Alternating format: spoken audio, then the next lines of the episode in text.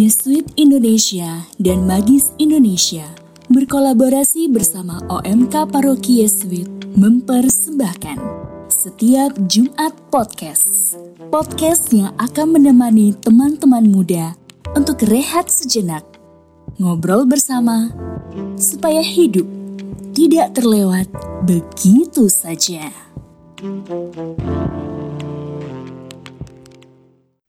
Keindahan adalah realisasi perdamaian, di mana bangsa ini toleran dan tentram. Bagaimana nasib suatu negara jika memuat intoleransi menjadi paradigma mereka, yang mana suku, agama, ras masih jadi ganjalan di mana-mana. Dengan pemerintah pro-toleransi, mengapa agama masih menjadi salah satu masalah yang menggelisahkan?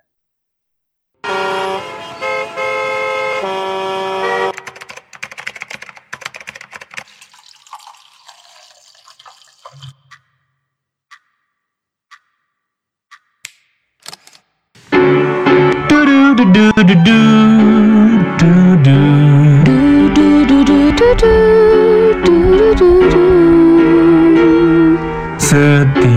Jumat Rehat sejenak. Ngobrol bersama cari makna. Agar hidup tak lewat saja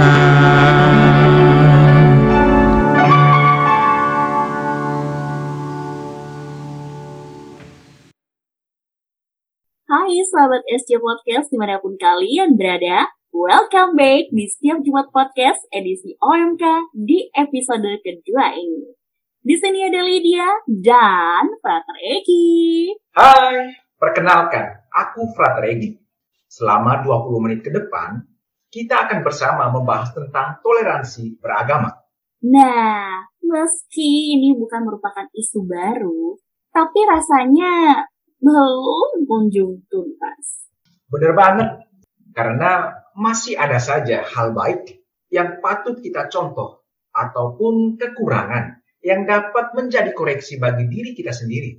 Tapi kamu ingat gak sih kemarin ada momen spesial di bulan ini? Maksud kamu ulang tahun kamu nih? Atau kamu mau beri kode nih? Tuh kan ketahuan gak pernah nyatet hari ulang tahun teman sendiri? Ya bukan dong. Lebaran sama hari raya kenaikan Tuhan Yesus itu barengan. Oh iya, kan banyak ya ucapan-ucapan selamat hari raya Idul Fitri sekaligus kenaikan Tuhan Yesus. Ada yang pakai ilustrasi perempuan berhijab bersama dengan suster saling mengucapkan. Bener banget. Bagus-bagus pula lagi ilustrasinya. Dan menyeratkan semangat toleransi beragama. Malah nih ya, ada yang bilang, Yesus sebelum naik ke surga, makan ketupat dulu. Coba deh kamu tanya jangan-jangan makan juga opor ayamnya ya, kan enak tuh. Nah, ngomong-ngomong soal toleransi beragama, kali ini hadir bersama kita seorang sahabat yang tentunya sangat menginspirasi kita semua. Serius? Siapa? Kok bisa sampai menginspirasi banget ya? Nah, kamu penasaran kan sekarang? Nah, sahabat kita ini memiliki kisah yang unik, yang mungkin juga dialami oleh sahabat sahabat setiap Jumat podcast, di mana dia hidup dan tumbuh di lingkungan keluarga yang multi agama. Alright deh kalau gitu. Yuk langsung aja kita sambut Aldi. Selamat datang Odil, salam sehat, salam semangat. Halo sahabat setiap Jumat podcast semua Halo Lydia dan Frater Eki Halo. Aldi. Nah, buat sahabat pendengar SC Podcast, hidup di keluarga yang satu agama mungkin udah biasa kali ya. Tapi menariknya, sahabat kita Odil lahir dan tumbuh di keluarga yang multi agama. Boleh berbagi cerita sedikit ke kita, Odil? Gimana jalani hidup di lingkungan keluarga yang multi agama? Ya, eh, kalau boleh cerita Memang apa yang tadi disampaikan oleh Lydia betul sekali. Jadi aku lahir, tumbuh, dan besar di lingkungan keluarga yang ber- berbeda agama. Ibuku seorang pemeluk agama Katolik, sedangkan bapak memeluk Islam. Keduanya merupakan pemeluk agama yang taat, namun keduanya berhasil menyatukan cinta mereka nih di dalam ikatan suci pernikahan dan melakukan pemberkatan di gereja Katolik. Seperti itu. Wah, menarik sekali ya Odilia bagaimana ya orang tuamu gitu ya menyatukan cinta mereka dan membesarkan anak-anak seperti kamu. Nah, sekarang saya pengen tahu nih gimana komunikasimu dengan keluarga ya. Nah, terutama kemarin kan baru selesai bulan suci Ramadan. Gimana sih tradisi di keluargamu saat puasa dan Idul Fitri? Kalau komunikasi sih seperti keluarga pada umumnya ya Ter. Namun bedanya yang membedakan itu ya di mana kami uh, akan merayakan dua hari raya keagamaan di dalam satu tahun. Kami menyambut Idul Fitri dan kami pun juga menyambut hari raya Natal maupun Paskah. Nah, di dalam keluarga kami, kami sebisa mungkin berusaha untuk saling menghargai satu sama lain. Jadi semacam kalau misal di keluarga kami uh, ada pengajian di rumah kami, nanti aku dan ibu membantu bapak dalam menyiapkan konsumsi misalnya. Begitu pula sebaliknya, kalau misalnya ada ibadah rosario ataupun lingkungan, ya Bapak ikut membantu seperti menyediakan tempatnya. Nah, kalau di saat bulan suci Ramadan ini, biasanya eh, tradisi yang dilakukan di keluarga aku itu, aku sering membantu ibu untuk menyiapkan hidangan berbuka puasa nih. Jadi itu yang momen paling menyenangkan sih, karena di saat bulan suci Ramadan biasanya nih, menu makanannya jauh lebih spesial dibanding hari-hari yang biasa. Jadi lebih semangat untuk makan nantinya. Nah, saat sahur pun juga sama. Jadi ibu menyiapkan makanan dan aku juga membantu. Tapi itu kalau kebangun ya. Tapi seringnya sih enggak. gitu. Nah, kemarin kan baru aja bersilaturahmi ngerayain Hari Raya Idul Fitri bareng keluarga tercinta nih ada nggak sih perbedaan yang mencolok saat bersilaturahmi selama ngerayain Hari Raya Idul Fitri? Uh, beda banget sih, apalagi di masa pandemi ini karena silaturahminya kalau di masa pandemi hanya sebatas uh, virtual aja karena aku sekarang kebetulan sedang bekerja di luar kota bukan di tempat tinggal uh, aku sebelumnya. Jadi memang kalau di masa pandemi nggak bisa pulang. Jadi sangat kangen sih sebenarnya. Apalagi biasanya di momen Idul Fitri itu biasanya ada acara sungkem sederhana nih ke bapak dan ibu seperti itu. Wah, menarik ya Dilia. Meskipun apa ya Lebaran dan Idul Fitri kali ini tidak seperti tahun lalu ya, saya yakin gitu ya pasti ada banyak rahmat gitu yang kamu dan keluargamu terima. Nah, Dir, kan kamu dari keluarga yang agamanya beragam. Boleh tahu nggak nih beragamnya pilihan agama kalian itu tuh itu emang lahir dari keinginan atau panggilan hati sendiri atau emang diturunkan dari keluarga yang emang udah beragam sejak kakek dan nenekmu. Kalau boleh kamu cerita sedikit gimana nih? Oke, okay, uh, eh, jadi mungkin pada awalnya sebagian besar dari kita memeluk suatu agama karena uh, faktor keturunan dari orang tua seperti itu atau apa yang diajarkan orang tua kita sejak kecil. Begitu pula aku. Jadi aku memeluk agama Katolik karena ajaran dari ibu sejak kecil. Namun, semakin aku beranjak dewasa, semakin aku menyadari bahwa aku menemukan Tuhan Yesus di dalam hidup aku. Dan itu yang membuat aku semakin yakin bahwa apa yang aku dapatkan sejak kecil ya memang sesuai dengan panggilan hati aku. Oke. Okay berangkat dari keluarga yang sedang mengajarkan Odil untuk memiliki rasa toleransi, apakah ini membawa dampak positif bagi Odil saat berbaur dengan masyarakat yang juga berbeda-beda agama? Pasti, dampak positifnya jelas sekali terasa. Karena sudah dari kecil dihadapkan pada sebuah perbedaan, ya hasilnya ketika dihadapkan di lingkungan masyarakat, kita akan memandang, atau khususnya aku nih di sini, memandang perbedaan menjadi suatu hal yang biasa. Jadi kita mau bergaul dengan siapa saja akan lebih mudah, baik itu yang berbeda suku, ras, agama, ataupun yang lainnya. Wah, sangat menarik ya poin-poin yang disampaikan Odil. Dan ini bisa menginspirasi kita sebagai sahabat-sahabat muda untuk bertoleransi dan bergaul dengan siapa saja. Ternyata perbedaan itu nggak jadi halangan bagi kita untuk bertumbuh, berjalan, dan berdinamika. Malahan, dari sini juga kita bisa belajar untuk saling mendukung.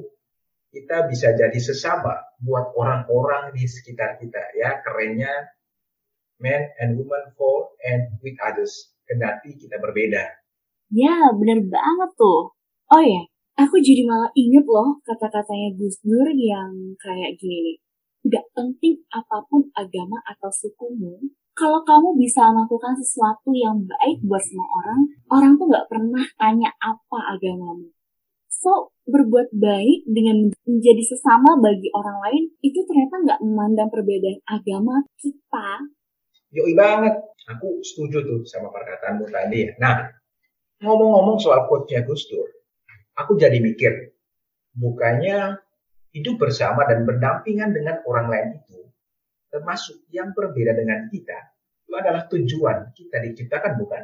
Hmm, kalau aku nggak salah denger ya dari teman-teman yang udah familiar sama spiritualitas Ignasian, istilahnya itu tuh asas dan dasar ala Santo Ignatius Loyola. Ya nggak sih? Aku jadi penasaran gitu. Isi asas dan dasarnya Ignatius itu seperti apa sih kalau boleh tahu, Frater? Yap. Nah, gini ya. Ini setahuku ya. Ignatius itu ngomong bahwa manusia diciptakan untuk memuji, menghormati, serta mengabdi Allah Tuhan kita.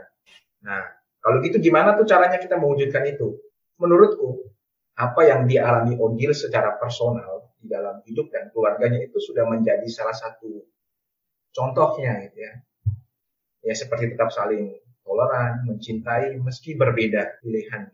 Menurutku ya teman-teman muda di luar sana tanpa disadari ya pasti pernah mengalaminya juga. Ya mungkin itu hanya perlu disadari saja ya, biar semakin jelas gitu ya. Iya, iya, iya, iya. Benar juga sih.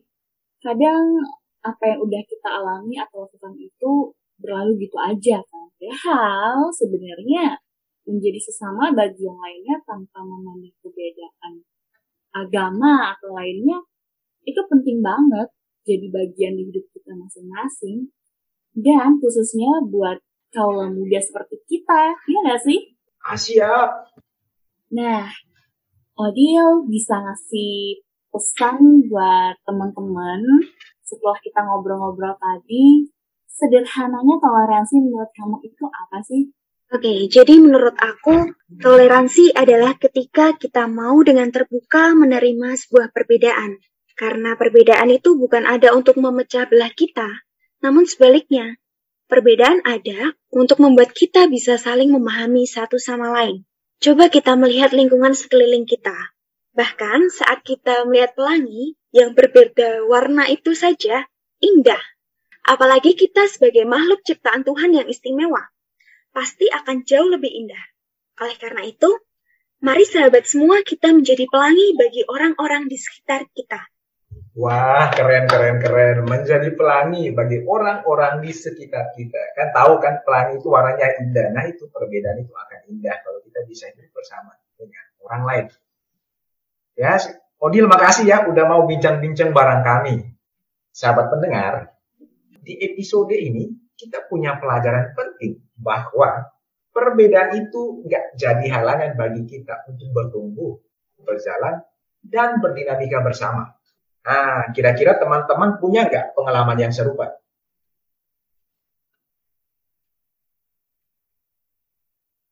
Nah, sahabat, tak terasa kita udah sampai di penghujung episode kali ini.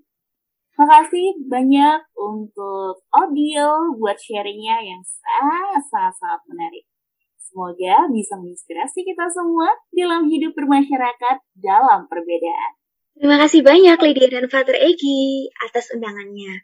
Suatu kehormatan bisa diundang untuk sharing di setiap Jumat podcast. Terima kasih ya Odil ya kehadiranmu di podcast kali ini memberi kesegaran bagi kami bahwa ya berbeda itu bukan jadi halangan tapi jadi sarana bagi kita untuk saling merangkul, memahami dan menerima yang lain. Ah, terima kasih juga buat para sahabat setiap Jumat podcast yang telah setia mendengarkan. If you find this podcast useful, please, please, please share ke teman-teman yang lain ya. Jangan lupa follow Instagram at setiap Jumat Podcast supaya nggak ketinggalan update dari kami. Teman-teman juga bisa loh sharing insight di comment section dan berbagi hasil refleksi dengan kami melalui direct message Instagram. Oh ya, sekarang setiap Jumat Podcast selalu ada di Anchor dan Spotify. Bisa juga teman-teman akses melalui aplikasi Radio Katolika dan I Katolik di ponsel masing-masing loh. Jangan lupa ya. Saya Lydia, Saya Frater Egi. Dan saya Odil. undur diri dari ruang dengar Anda. Sampai jumpa di next episode setiap Jumat Podcast. Mari kita rehat sejenak Ngobrol bersama. Supaya hidup tidak terlewat. Begitu saja.